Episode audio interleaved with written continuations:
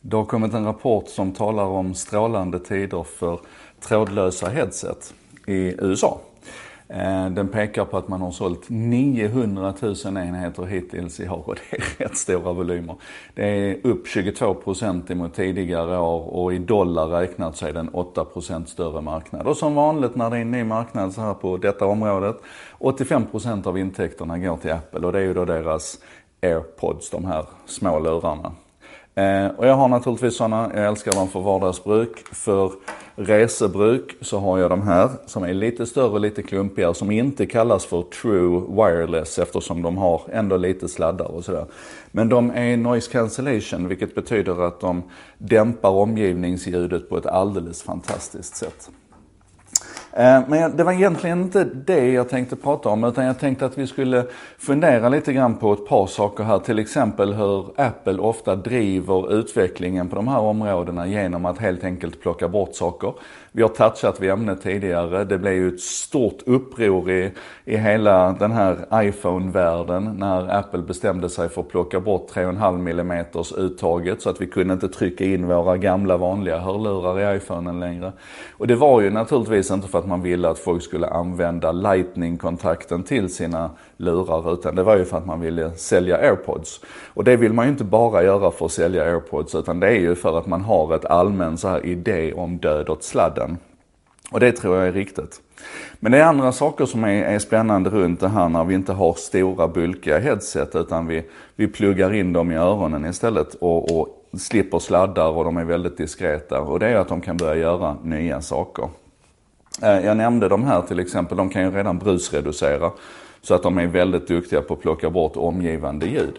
Nästa steg är naturligtvis att lurarna istället kan lyfta upp saker och ting. Alltså inte hålla undan brus utan lyfta upp tal till exempel. Så att du kan sitta i en stökig restaurang och så kan du få eh, bättre eh, koll på vad folk pratar om.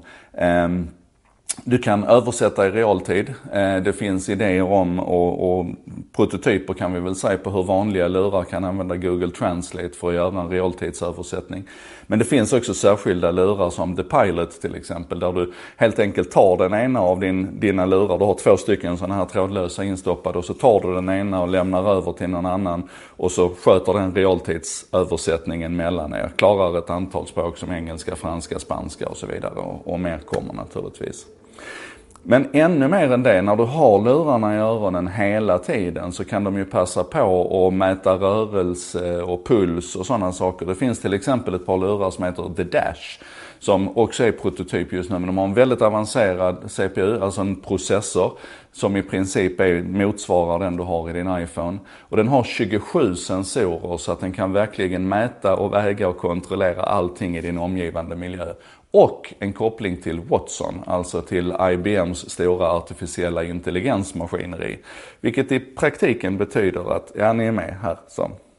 Men det finns en sak till som jag tycker är spännande i det här död mot sladdarna, eller död för sladdarna, död åt sladdarna konceptet. Och det är ju hur vi nu börjar röra oss in mot trådlös ström också. Vi kan säga att hela den här trådlösa trenden eller rörelsen, den började egentligen med, med wifi. Alltså att, vi, att våra, vi behövde inte en nätverksladd i datorn längre. Och sen så har det då på riktigt rört sig mot att våra lurar och interaktionen med datorn är trådlös och kontaktlös. Alltså att vi inte behöver tangentbord för vi pratar med maskinen och vi behöver ingen sladd. Är ni med så här? Vi rör oss mot lägre friktion mellan oss och maskinen. Men fortfarande så har vi ju ett sladdträsk hemma. Vi har sladdar för att koppla ihop vår telefon eller vår kamera med datorn. Men det blir ju mindre och mindre av det också. Som nu till exempel när jag sitter och sänder här så har jag kamerans sökare i min iPad här. Alldeles trådlöst naturligtvis. Så att jag kan se hur utsnittet ser ut och att allting fortfarande är okej okay och starta och stoppa inspelningen och sådär.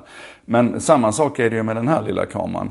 Eh, när jag ska överföra bilder ifrån den till min dator så gör jag det trådlöst. Och nu är laddning på gång.